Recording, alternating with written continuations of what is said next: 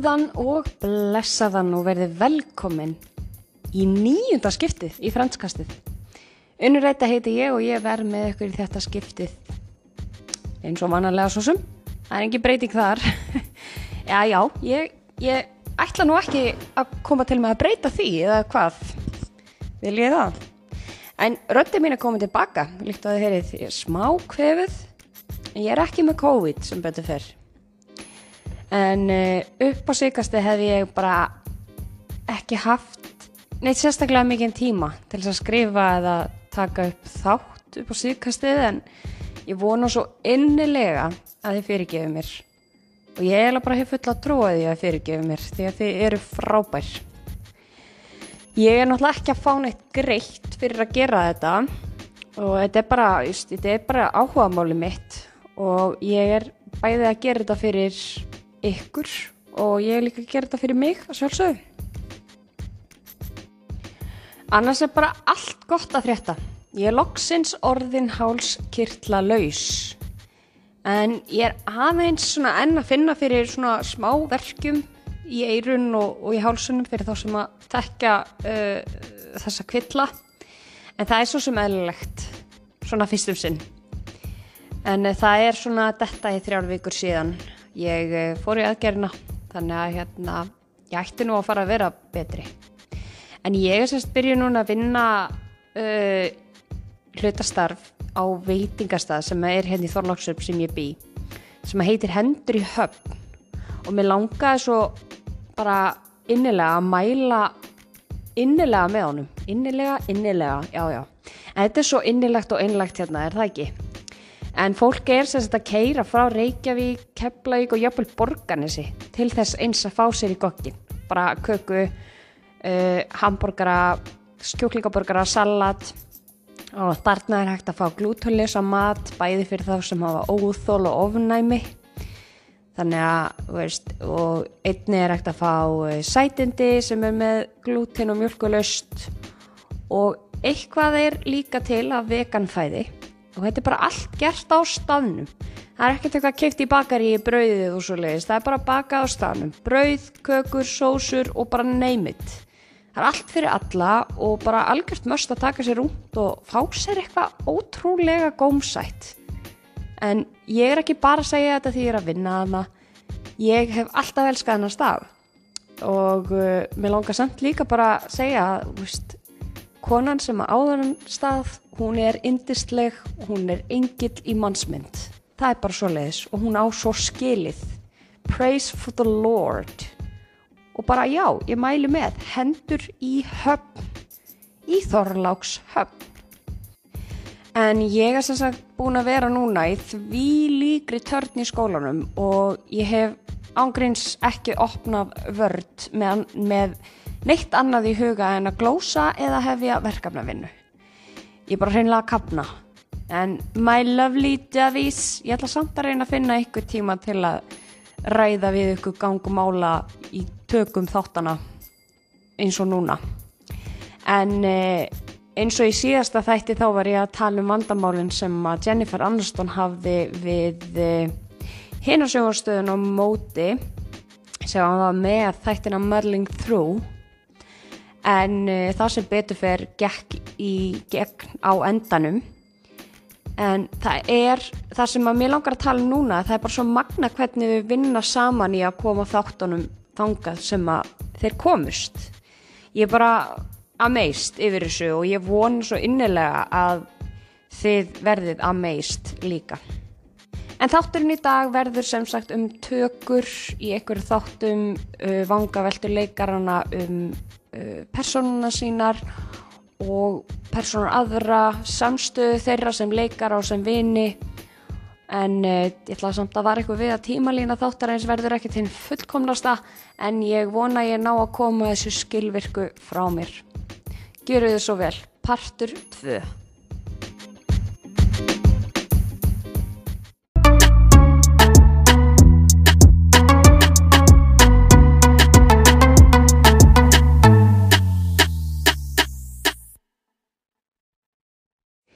Jæja, þá skulum við byrja á þessu. En e, þeir sem að þekkja vel til þáttana þá er verðt að aðtuga að Joey Tribbiani í fyrstu seríunni virkar hann bara svolítið eins og douchebag, er það ekki? Svona svaka tappi í lefri jakka með hárið, svart hárið slikt aftur, bara svolítið svona já, bara svona leði jakka töffari, bara eins og svona nýkliftur úr grísbíómynd. Bara algjör svona John Travolta sjáu það ekki fyrir ykkur. En ég minna að reyni eina sem vantar er síkaretan upp í hann. En sem betur fyrr reykir hann ekki. En það er allavega skoðun sem ég hef að mér finnst það svolítið óaðalagandi dæmi. Ég reykti nú once upon a time og ég reykti svolítið lengi. Og var dagreikingamanniska í örglega já, ég held ég geti sagt alveg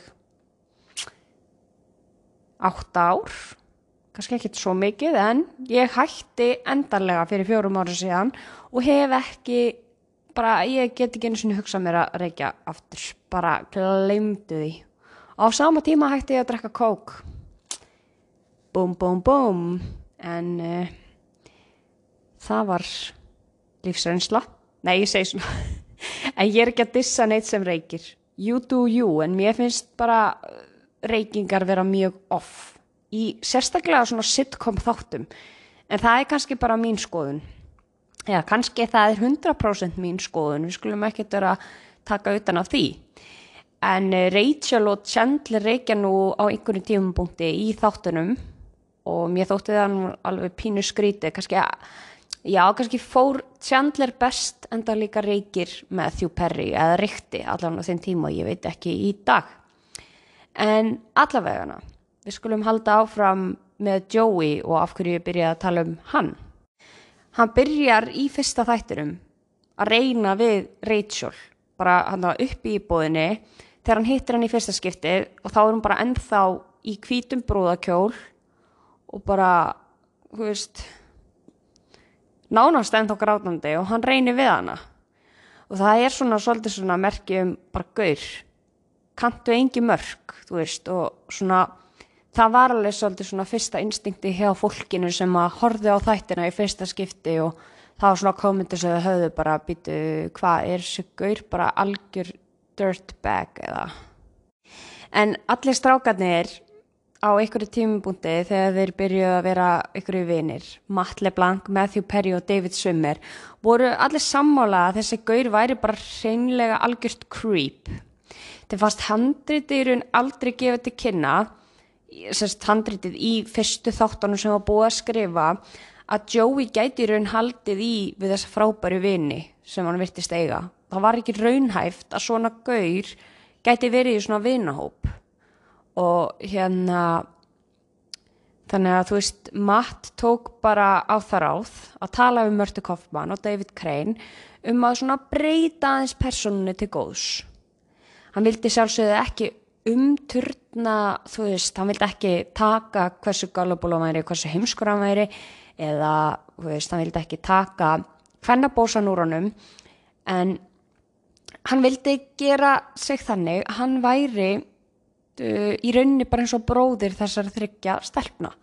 Hann myndi ekki vilja sofa hjá þeim, en hann myndi vilja sofa hjá öllum öðrum konum. Hann á náttúrulega sjö sýstur, hann Joey Tribbiani og úst, hann vildi bara líta á þær sem sýstur sínar og uh, svo bara hefur hann enga tilfinningar í rauninni til annara kvenna því að hún er þykja vænt um vinkonu sínar, eða og þannig vildi hann svolítið gera þannig að það væri svolítið svona hvað maður að segja, svolítið svona jafnvægi millir þess að hann væri hálfviti sorry orðaða þannig en ég menna gaurar sem gera svona við konur eru hálfvitar, það er bara svolítið en inna, já, hann vildi gera svolítið svona jafnvægi á hvort hann, að hann væri hálfviti og líka gekk góð gaur sem hann er. Og hann er látin vera þannig þar sem setna líður á þættina maður sér þetta gerast í uh, endan serju 1 og byrjun serju 2 í, þá sér maður svolítið að hann er að fá þessa breytingu í gegn. Og þarna fær hann að vera svolítið svona uh, meira ummyggjusamur í garð veist, bara vina sinna og sérstaklega vinkvenna sinna. Til að mynda, við skulum taka dæmi. Þegar hann var sem sagt að verja Rachel. Þegar Rachel kemur út úr ruslagáminu gámunu já, velgertinur, klapp, klapp. Nei, þegar Rachel kemur út úr ruslagámnum hún var sem sagt að henda hann á pizzakassa og Mr. Trigger öskar á hana. Og hún fyrir bara að gráta og, og bara klagar í vinni sína basically. Og veist, hann var bara tilbúin til þess að veist já, bara vafa í kallin og bara, þú veist, þú veit ekki að láta hann að gráta, bara eins og stórum bróður sæmir, bara já, eins og maður gerir bara fyrir sískinu sína eða bestu vinni sína. Maður vill vera já, standa með þeim. En svo ætlaði hann að henda þeim út út í hann bara, já, ég veit alveg að þær búa einna hérna ólöglega, þú veist uh, út af því að í rauninni var ammenar Móniku leigu já, ekki leigu sali leig, leigjandi. Og eitthvað þá var eitthvað leigan ódýrari eða eitthvað svo leiðis, ég skildi ekki alveg. Og þá var hann bara, já, ekkert máli ég get alveg tala við leigu salan og, og þeim eru hendt út bara í lók dags bara og, og hann alltaf bara panikar og er tilbúin að gera hvað sem er til þess að aðstöða þær. Og hann var meira segja tilbúin til þess að bara læra, hjálpa honum að læra að dansa til þess að hann myndi ekki henda þeim út. Sem að endaði bara að hann nöyð þess. Hún fannst bara gekk hann að dansa við kallin og hún fannst að gekk skríti fyrst bara eitthvað svona, þú veist pínu svona, ég tók því þannig svona eins og þetta var svona pínu homofóbik þú veist, okkur er ég að dansa í konu hlutverki þú veist, ég er að dansa við gaur. En uh, svo bara fannst hann um þetta geggjað og vildi bara eiginlega ekki hætta. Og hérna það var svo krútlegt þegar hann svona helt áfram svo að dansa hann á þakkinu og já, mér, það er svona mómenti sem að ég man eftir að ég bara svona já, ok hann á þetta til hann getur alveg verið mjúkur og, og góður og, og svona hann er ekki bara þú veist sex, sex, sex, sex, sex, beer, skilur, þannig er ekki bara þessi gaur sem að, er, hann er látið lítið út fyrir að vera í fyrstu þáttum, uh, í fyrstu seríunni. En ég meina endilega, látið mig vita að það er eitthvað svona annað móment sem að ykkur finnst ábyrrandi þegar hann er svona, ég þú veist, auðvitað er hann ummyggjarsamur í einhverjum atriðum áður en þetta, mér fannst þetta svolítið svona lífsandi uh, við persónuleikarnas þú veist, hann var, hann var bara hann er bara bróðir bróðir þeirra, hann er bara stóru bróðir og er bara að hjálpa og, og hérna hann vill ekkert meira eldur en að passa upp á litlu sýstu sínar. Nei, ég segi svona. En svo er líka annað dæmi að þegar að Joey verður hrifin af Ursula, sýstur Phoebe þegar hún svíkur hann og hann verður svolítið sár veist og það er svona fyrsta skipti sem að hann finnur fyrir svona höfnun. Og þarna þegar veist, Phoebe einmitt sér að hún líður gett ítla ákveður að dulbúast sem Ursula og kissir Joey en hann fattar strax að það var ekki allt með feldu, hann bara Phoebe og mér fannst þetta ógesla fallegt aðrið, bara ég fæ bara klökk í halsuna að tala um það, ég veit að þetta er ógesla steikt hvað ég er svona veist ég er að tala um þetta eins og þetta sé alvöru atbyrður og ég tala eiginlega svolítið um frendstættina eins og þessi alvöru atbyrður en þetta er bara já, ég veist, mér finnst þetta bara svo ógesla, fallegar sögur fallegar, hérna, fallegar tilgangur. Og það því að þú veist, það eru allir bara það er, eiga allir einhverja vini. Þó að það sé ekki manneskja, ég minna, fólk getur átt bara vini sem eru dýr eða hvaða er skiljiði. Þannig að veist, þetta er svo ótrúlega mikilvægur þáttur í líf okkar að, að hafa eitthvað sem að þykja væntum okkur og, og við veist, höfum eitthvað til þess að hugsa um og, og hérna erum ekki bara að hugsa um sjálfan okkur. Þannig að en eins og ég sjáu þá fekk Matt LeBlanc þetta í gegn að breyta aðeins personinni til að gera meira svona likeable en það bara svínvirka þetta og ég þekki engan engan engan sem hefur eitthvað á móti Joey sem personu sem að horfa Friends og jafnvel bara þeir sem að horfa bara ekkert á Friends. Veist, þeir vita bara hver Joey er þeir bara já þannig að gaurin þannig að þú veist bara já, einmitt. En ég meina eins og ég segi hann er bara demantur á mínu móti. Og gæti ég sagt demantur um alla hina karakterana? Já, já, við skulum bara segja það. En ég meina já, hann er sérstakur indislegur, frábær á sinn hátt. Og það er ógeðslega gaman að þetta hafi verið svona. Mér finnst það svo áhugavert að um, já, að þú veist þetta sýnir svolítið bara að sko, það er ekki bara höfundarnir sem að eiga allan rétt á þáttum, það eru líka leikararnir og það er bara sama um eins og með bara fyrirtæki. Það er ekki bara eigandi og stopnandi fyrirtæki sem að, sem að eiga að fá allt lof, það eru líka starfsmenninni sem eru að byggja fyrirtækið upp og eru andlit þess og eru bara já, tannhjól fyrirtækisins og þau eru bara tannhjólið.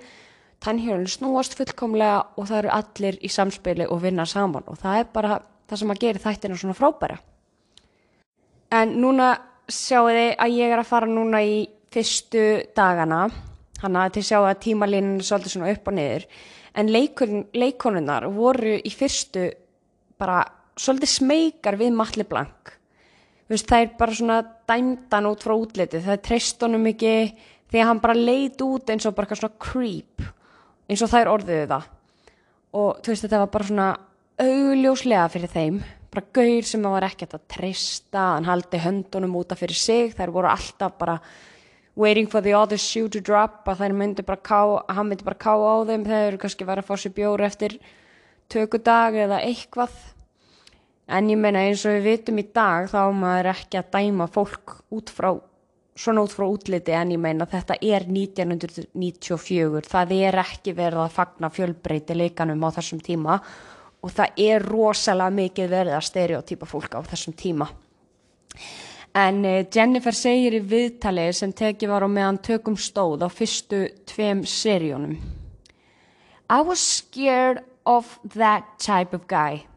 That guy exists after all. En það var málið að í rauninni öll dæmduði hann út frá útliti. Uh, líka strákarnir, þeir voru bara svona, wow, what a dick, þú veist, voru bara strax en, en eftir á heikja voru þau bara eh, nei, við vorum hálfvitarnir, ekki hann.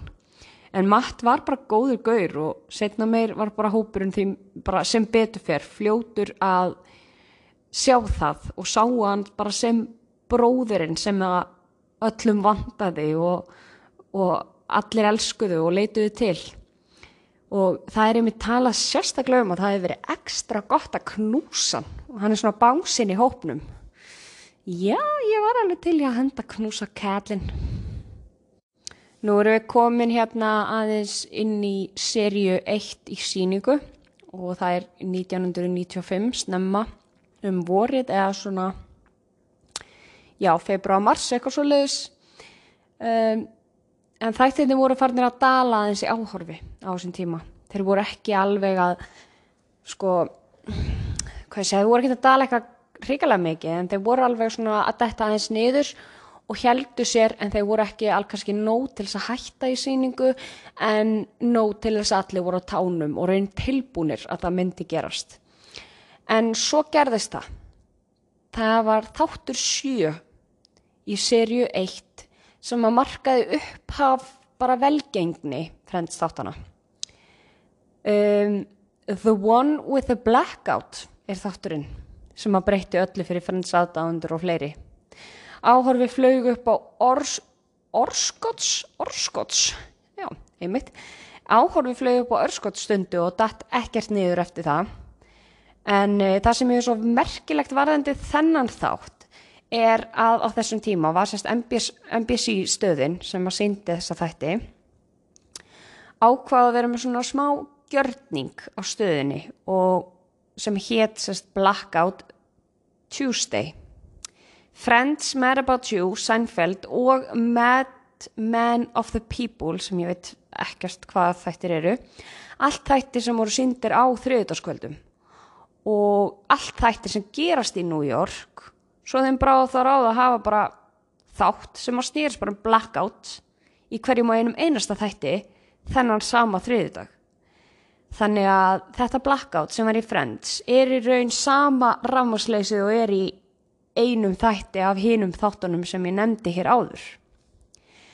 Þú veist, nema reyndar Seinfeld þeir voru bara eitthvað það successful að þeir voru bara eitthvað nei þú veist, ég, við þurfum ekki svona drastl eða veist, við þurfum ekki að taka þátt í þessu.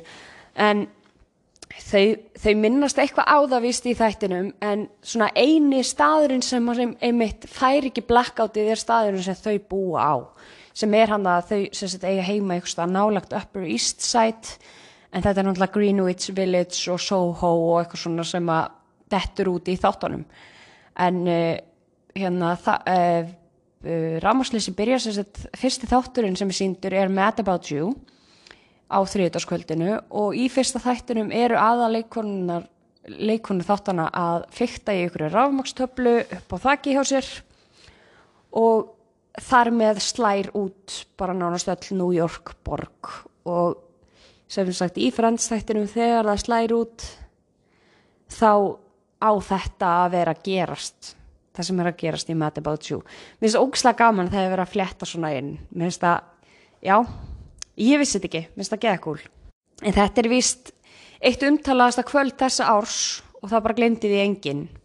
Því að voru bara rosalega margir sem að átti greiða stund fyrir frá sjónvarpi á þriðutöfum því jú, Mad About You, Friends og Seinfeld voru mjög vinsali þættir. Vist, ég er samt í alverðin eins og ég segi, ég elska svona þættir sem fletta saman með hverju öðrum. Eins og bara Chicago seríunar Chicago Fire, Chicago PD og Chicago Med. Svo eru komin þættir sem heita Station 19 sem var sam samtvinna með Grey's Anatomy. Ég elska svona. Og ég elska að syngja líka. Ég hef oft svona pælt í því hvernig það ætlaði að hafi verið að vera svona 20 ára á þessum tíma þegar Friends var nýtt. Svo þetta hefur ángríns verið mjög spennandi. Ég held að ég hef verið bara yes, næsti þáttur er á morgun.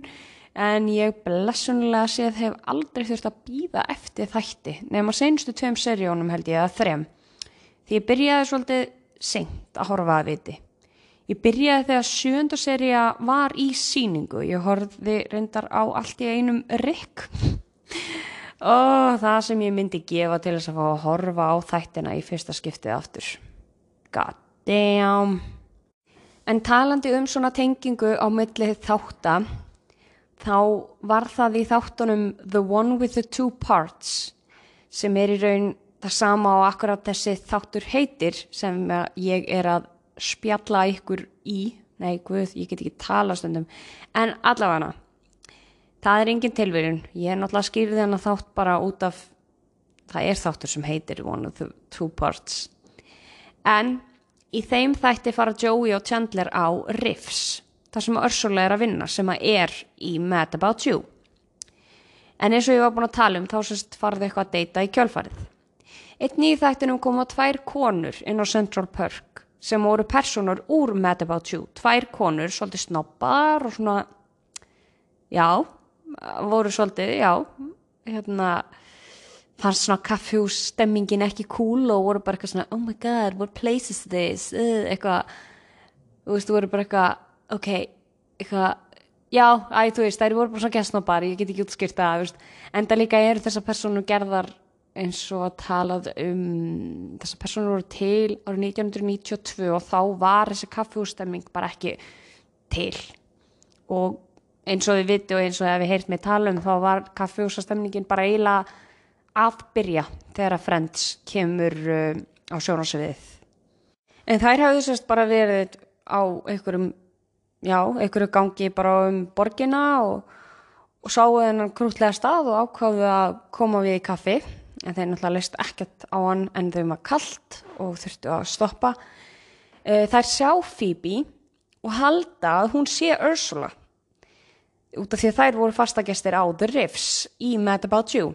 Þær spyrja sjálfa sig hvernig hún geti bara verið að vinna á sikkunum stanum í borginni. Kannski var hún rekin af Riffs eða? Þau bara nei það hefur hún var að vinna í gerðkvöldi mannst ekki, bara jú en svo pælaði ekki þannig séð í því og reyna eitthvað að panta hjá henni kaffi. Ég ætla að hérna, leif ykkur að heyra þetta samtal. Þetta er mjög skemmtilegt. Excuse me? Yeah. Hi, it's us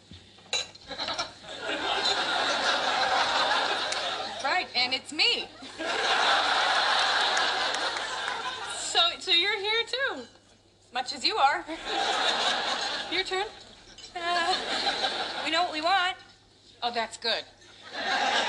All we want is two cafe lattes. And some biscotti cookies. Good choice. It's definitely her. bara svona smá til þess að svona gefa ykkur fílingin á þessu annars er þetta, ef þið viljið kíkja á þetta þetta er uh, þáttur 16 í fyrstu serju og þetta er bara á mínútu ef þið viljið fá þetta nákvæm þá er þetta á svona á mínútu 12 um, 10 nei nei ég geti tjekkað á þessi allavega. En uh, í part 2 eða þætti 17 er, uh, eru síðan svip, svona svolítið svipuð upp að koma með varandi svona gestaleikara og svona fléttu en þar fer Rachel á spítalan því hún var að reyna að taka niður jóliljósin og slasar sig.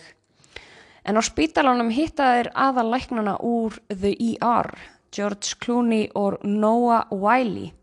Áhorfendur urluðust þegar þeir komið fram en það var á þessum tíma IR sínt á svipun tíma á Friends og voru þeir á þessum tíma vinsælstu þættirnir uh, í öðru sæti á eftir um,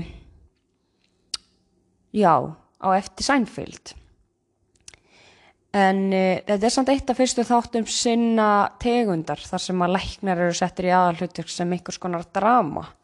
En ári eftir trónaði IR á toppnum í nokkur ár. En ég minna hver elskar ekki læknadrama, eins og ég er búin að tala um, I love Grey's Anatomy man. En það sem gerist í þættunum er að Rachel gerir sig grein fyrir því að hún er ekki með sjúkratryggingu og þær falsa því skjölin og breyta nöfnunum eða þú veist, uh, Rachel verður Monica og Monica verður Rachel. Uh, það er enda síðan á því að fara á date með þessum læknum en halda því áfram til þess að koma ekki, koma, koma ekki upp um tryggingasvindlið og hérna þykjast vera hver önnur. Því lagnarnir hennar heldur því að Rachel væri Monica og öfugt. Enda stóð það á pappirum sem þeir fengu þegar þeir voru að hlúa að þeim, eða henni. En sorry, þetta sýnir bara hversu galla kerfið er í bandaríkjónum. Það eigi ekki einu svona efna á því að snúa á sér öklan er mér ofviða. En þetta sem betur fyrir að það er byrjað að fjölga mikið um einhverja svona klíník og heilsugesslur þar sem það er frítt eða jafnvel tölvert minni gjöld og þjónustu en ég meina samt það er ekkert jafnbreytti því. Hér hefur oft verið sett út á heilbreyðiskerfið og ég veit það en við getum samt verið helviti ána með að það er alveg sama að þú heiti Jón eða Sérajón, þú fær alltaf sömu aðstöðina, þú ert ekkert með eitthvað VIP stofu og og bara, hei, ó nei, ég skar mig ógeðslega djúft, ég get ekki farið til læknis, ég er ekki með tryggingu, það er glatað. En ég ætla ekki að fara út í einhverja pólitík hérna, en það er ekki svoleiðis hlaðvarp. En þessir tveir þættir, þessi part 1 og part 2, skutu áhóru frends en þá hærra upp. Þessir að ofantöldu eru taldir vera þættirnir sem að mörguðu upphaf góðæris þáttana. En ég fór yfir smá lista þar sem ég fann í Rolling Stones magazine þar sem að þættirni voru settir í svona vinsældarröð. Þá voru bara einstaklingar sem að kusu og hérna, þetta voru 25 þættir sem að voru settir í svona top 25 lista. Og mér langar svolítið að fara í top 5 listan, hann er mjög áhugaverður. Númer 1 The One Where Ross Finds Out Þátturinn þegar Ross kemst að því að Rachel sé skotin í honum eða hrifin í honum hrifin í honum hrifin af honum eða ástangin af honum eða hvað sem að getur bara orðið komist og endar náttúrulega bara á því að þau bara henda í kröftugan, fallegan, indislegan hjartnamann koss. Já, já, ég menna þetta er mjög hjartnæmur og góður sá þáttur en ég veit ekki hvort ég sé sammála með fyrsta sæti þarna. Þáttur nummið tvö, The One with the Embryos. Ó, já, nú erum við að tala saman. Þátturinn þegar þau fara í keppni þar sem þau endaði að skiptum íbúð. Geggjaður þáttur. Lightning Round. Transponster. Miss Chenandler Bong. Viva Las Vegas. Space Cowboy ok, elska hann þátt sko en mér persónulega finnst að hann eigi frekar heima í fyrsta sæti heldur en sá sem ég nöfna á undan en það er bara mitt álit. Þáttur nummið þrjú, The One Where No One Is Ready. Já, ég hef hýrt að þessi vinsall hjá mjög mörgum, mjög margi brandara sem maður getur hugsað um þegar lítið er tilbaka á hana þátt eins og til dæmis Look at me, I'm Chandler, could I be wearing any more clothes? Maybe if I wasn't going like Commando Glöggir átafundir ætti að þekka þennan vel en Chandler og Joey eru í smá stríðu um sófan sem enda bara þannig að Chandler tekur allar brækurnar hans Joeys og Joey fyrir öll fötin hans Chandlers. Þetta er í raun byrjaði allt þannig að Chandler í raun let Joey drekka fytu úr ískapnum hennar Móniku. Já, þetta er mjög skríti plott en gott er það. Þáttu nummið fjögur The One Where Ross Got High virkilega góðu þáttur, elskan. Kjött í eftirrétnum. Allir að öskra einhverja geggjaða staðrindur um hvort annað. Vá, ég eiginlega bara verða að láta hljóðbrot fylgja úr þessu atriði sem ég elska. Ég geti þulið þetta upp með þættinum. Ég elska þetta atriði. Yeah, well, Hurricane Gloria didn't break the porch swing. Monica did. Ross hasn't worked at the museum for a year. Monica and Chandler are living together. Ross married Rachel in Vegas and got divorced again. I love Jacques Cousteau. I wasn't supposed to put beef in the trifle. I want to go. That's a lot of information to get in 30 seconds endar þetta atriði svo Er ég eina sem elskar þetta atriði? Nei, potið ekki Þáttur nummer 5 Að lokum The one where everybody finds out Þegar allir komast að því að Chandler og Monica eru orðin Mondler Ég elska þann þátt líka Þegar bara svo ógislega mikið af pönslæinu sem að gerast þarna sem að líkt og ofangreiti þáttur er. Eins og til dæmis. They don't know that we know. The masses become the masters. They don't know that we know they know we know. En komum okkur aðeins að vinunum sjálfum, þessum alvöru vinum. En allir leikarinnir voru vinir on og off screen. Þegar vinnudeginu lauk í hverskipti þökkuðu þau með innlægni fyrir daginn, knúsust, kannski eitt koss og kinn hér og þar og sama þegar dagurinn byrjaði. Þau hitti þessu upp með því að taka spjall og knús og bara vera vinnir, fá sér kaffi og slaka á. Og það sem að mjög stótrúlega gaman að heyra er að þau hittust alltaf á þriðutaskvöldum og horfðu saman á þættina.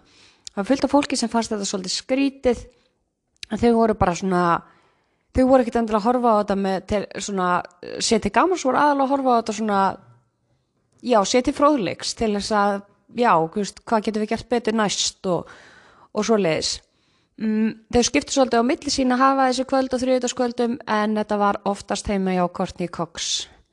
En það er hún bara gestgjafi Friends þáttana I am always the hostess Þeir fóru saman í allar myndatökur eða svona uppakonur og voru bara í raun óaskiljanleg.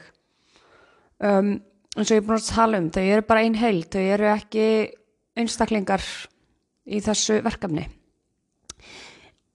Árið 1995 fóru þau í fyrsta skipti í risastórt sjónvarsvital saman og það var í Chicago hjá yngri annari en Oprah Winfrey. Byrjun þáttarins hljóðaði þannig að hún sagt kynir uh, inn leikarana og segir bara um, í dag ætlum við að hitta leikarana í Friends og ef þið hefðu ekki séð Friends þá eru þið búin að vera undir uh, bara under a rock bara undir steini.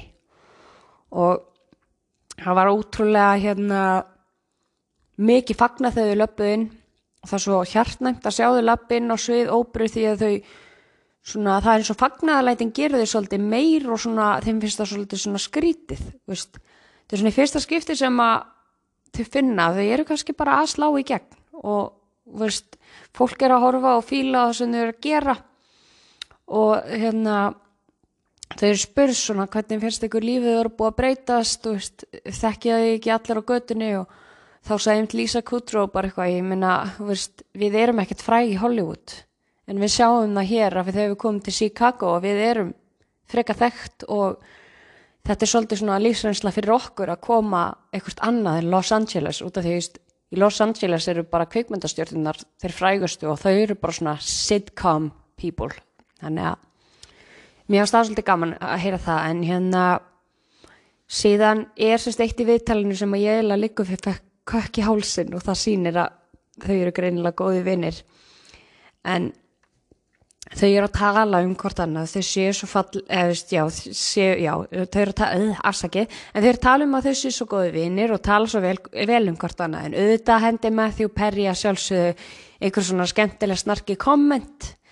En ég minna að mér finnst það ógeðslega skemmtilegt viðtal og ég mæli með það er hérna eitt myndband, þú veist, þetta er í nokkru brotum, það er hægt að sjá viðtali í heldsinni, það er ríkalega gæði á því, en svo eru nokkur brota sem eru svona ein og ein spurning annarkvist úr sal eða frá Ópru Vinnfrey og, og já, hér kemur sem sagt núna, ætli ég að leif ykkur að heyra stuttljóðbrot þar sem Ópera spyr leikarana hvort þau séu á einhvern hátt, hátt lík sinni personu og hérna beinir svo spurningunni að Lísu Kudrow það er svo magna hvernig David Swimmer svarar þetta er svo ógeðslega mm, bara, þetta gerði mér mjög meira bara ég geti dáið, ég táraðist allavega hann og mér finnst þetta svo fallegt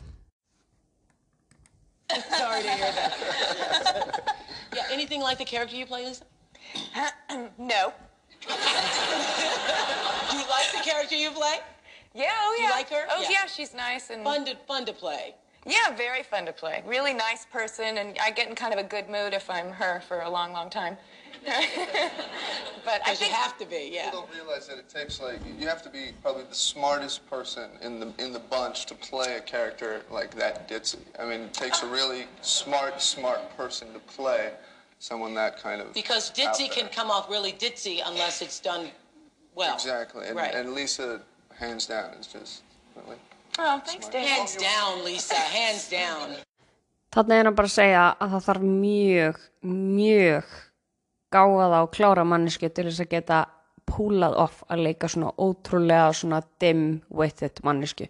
Þannig að já, bara, bara þú veist, David Swimmer, you're awesome. En talandi um hvað sem náinn þau voru, þá ætlum ég að tala um í stuttum áli hvernig nákvæmlega það var þeim í hag. Uh, þau eru það sjálfsögðu mun betri on screen því þau eru alvöru vinnir. Það held ég að það sé svolítið gefið dæmi. Margir tala samt um að þættin þessi illa leiknir en ég er ekki alveg á því. Þetta er grínþáttur og ég heldur betur sér þætti sem eru töluvert verri leiknir, eða verra leiknir, já. Til dæmis eins og bara How I Met Your Mother. Ég fíla alveg þess að þætti upp á vissu marki en þeir eru svona ekki frábærlega vel leiknir. En allavega þá tóku þau samróma átkvörðun um að þau myndi alltaf fá jafn mikið borga fyrir hvert þátt. Þú veist, það er oft þannig að eitt leikari þáttum fær kannski til að mynda segjum bara 200.000 dollara á þátt og svo kannski annar 150.000 dollara. Það fer allt eftir í rauninni hvernig þú semur og, og hvern þú hefur tefið hlið til að semja um launin. En þarna voru þau öll saman, eiginlega bara með sitt eigið stéttafélag, má eiginlega segja það. Þau vildu bara alls ekki að neitt væri skilin út undan eða væri minna virði. Það er bara engin aðleikari, heldur eru þau bara öll ein held eins og ég var búin að segja. Í fyrstu seríunni samt sem áður voru launin 22.500 dólarar á haus. Það var bara það sem að var samið um í byrjun út af því að stúdíói kefti hérna eh, heila serju og það var bara, þú veist, þið fáið 22.500 á hvert þátt fyrir það. Síðan ætlum við bara að sjá til hvernig gengur, gengur í annari serju. Í annari serju þegar þættirnir voru komnur svolítið á flug voru mismunandi samningar á milli leikara og stúdíósi sem er svona bara eins og eðlilegast er. Það var þá umbóðsmaður þeirra eða svoleið sem að sá um samninga. Það voru þá upphæðir upp á 20 til 40.000 dólar á þátt en ég hef engar heimildir um hver fjekk í raun hvaða greiðslu skilur, ég verið, þú veist, það var eitt sem fekk kannski 25.000 dollara og annar sem fekk 40.000 dollara þannig að þetta er svona töluverður launamunur. En uh, í serju þrjú tóku þau sig saman og í raun sögðu að ef þau fengi ekki sömu upphæðina fyrir hvert þátt myndu þau ganga út. Það væri, það, er bara krafa sem þeim fannst sangjætt að leggja til því einhverjir voru að fá bara helmingi meira borgaeldur en aðrir og þeim fannst bara ekkert sættanlegt að, veist, að einhver væri að fá minna og eins og það væri minna virði. Þannig að þau náðu að semja um 75.000 dollara per þátt. Þannig að öll þriðja serja er 75.000 per þátt. Og svo fór þetta alltaf hækkandi. 85.000 var það í fjörðu serju, 100.000 dollarar í fymtu serju og þetta er alltaf, ég ætla bara taka fram, þetta er alltaf á hvert þátt. Þannig að eitt þáttur, 100.000 dollara. Um, í serju 6 var það 125 dólarar, 125.000 dólarar en svo kemur rosalega hækkun í sjöndu serju en þá náðu þau með herkjum að semja um 750.000 dólara á hvert þátt. En þegar ég segi með herkjum þá er nánast búið að gefa út að seríunar eru ekki fleiri en sex. Því að þau lögðu bara þessa kröfu og sögðu að þau fengi ekki þessa greiðslu eru þau að gera eitthvað annað við lífsitt. Þau sögðu bara við löpum út ef þau fá ekki, þau fá ekki 750.000 dólar og þau voru bara alveg tilbúin að lappa í burtu. En þau vissu svo heldur betur hvað þau voru að gera því þau vissu alveg hvað Brothers var að græða á þessu og þau voru búin að eyða mjög miklu tíma. Ég að reikna þetta út með fagaðilum. En á endanum, að sjálfsögðu eins og þau vissu í rauninni, samþyktu þeir og þættirni voru á hérna, fóritökur á síðustu stundu. Það var bara, við erum að tala um bara, það var bara last minute veist, hérna, skil á þættinum þannig að þau getur síns, verið, verið síndir á réttum tíma. En síðan er það 8., 9. og 10. serja í 1 miljón per þátt. Þetta er slatta peningur myndi ég nú segja. Ég myndi nú ekki slá hendina á móti þessu sko. en við erum að tala um samt að hver og einn einasta leikari frá serju þrjú út af því að þá eru þeir allir að fá sömu greiðslur þannig að ég get í rauninni bara að tala frá því hafa þeir voru sérst að þjena að lámarki 83,2 miljónir bandaríkjadólara. Það er lámark og aðeins frá þriðursörju, eins og ég segi. Veist, þetta er styrlað. Með við núverandi gengi, ég veit að það er ekki hægt að veist, setja það undir samasemmerki, en með við núverandi, núverandi gengi er þetta rúmlega 11 miljardar sem þú veist, hefur samt alveg verið slatti á þessum tíma. Og hérna ágætis peningu líka úti. En uh, þú veist, já, ég, vá. Mér stóksla mikið, en uh, þetta er kannski ekki mikið fyrir ykkur frægar stjörnur en ég meina miljón dollara á þátt. Erum að tala um 24 miljónir fyrir eina serju á einn leikara, þetta eru sex leikars Vá! En uh, þessi þáttur verður þessi sinni ekkert mikið lengur, lengri. En uh, ég bara, þú veist, emur svo ótrúlega mikið af verkum á borðinu, það er allt í rústi hérna og hátegismaturinn minni hérna verða kaldur, þú veist, ég ætlaði að borða en hérna langaði svo að klára að taka upp þáttinn.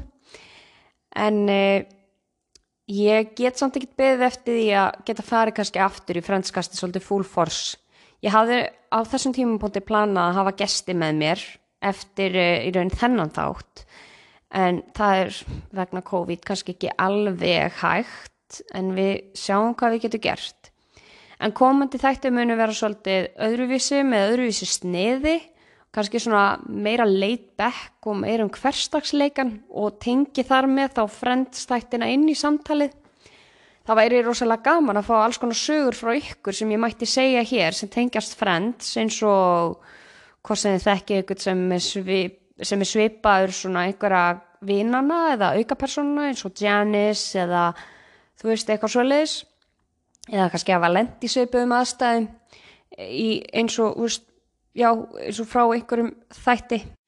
En ég mun alltaf undirbúa mig og eiginlega láta vitalegu við hvað ég mun tala um í næsta þætti því ég mun spyrja á Instagram síðu Friendskastsins svo endilega fylgjast vel með og ekki gleyma að deila með vinum og vandamunum ég mun kunna vel að meta smá sjátótt en elskunda mín að þetta hefur aldeilis verið skemmtilegt eins og alltaf.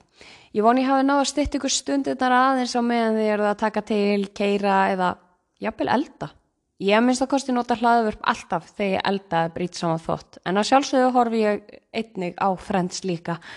Það má ekki gleyma því. Ég væri heldur betur að brjóta einhver lög ef ég horfði ekki á þættina þar sem að þættina mínu sjáum, sjá, sjá, bú, bú, bú, bú, bú, sjáum það. Guð mig góður, ég er hún svo málhöld sko að það er ekki fyndið. En þið veitir hvað ég er að meina. En og aftur vil ég hvetja ykkur til þess að fylgja mér á Instagram og fylgjast með umræðum og myndum sem ég set þar inn. Ég svara öllum skilabóðum og bara mér finnst bara gaman að fá skemmtilegar umræður, spurningar eða tillögur og hvað þið viljið heyra frá mér. Ef ég hef ekki tíma til að svara þá býði bara aðeins með það og ég mun á endanum svara. En ég kom með fullt af hugmyndum og ég mun koma til með að útfæra það og ég vil þakka ykkur diggum aðdæðandum enn og aftur fyrir stöðningin og móttökurnar. Þið eru æði, alltaf. En ekki gleyma elsku hlustendur að það er mikilvægt að hafa trú sjálfum sér, elska sjálfum sig og að sjálfsögðu alltaf vera vinnir því þá er heimurinn mun skemmtilegri. Takk fyrir að hlusta, ég heiti Unnirætta og ég kveð ykkur í byli. Bye!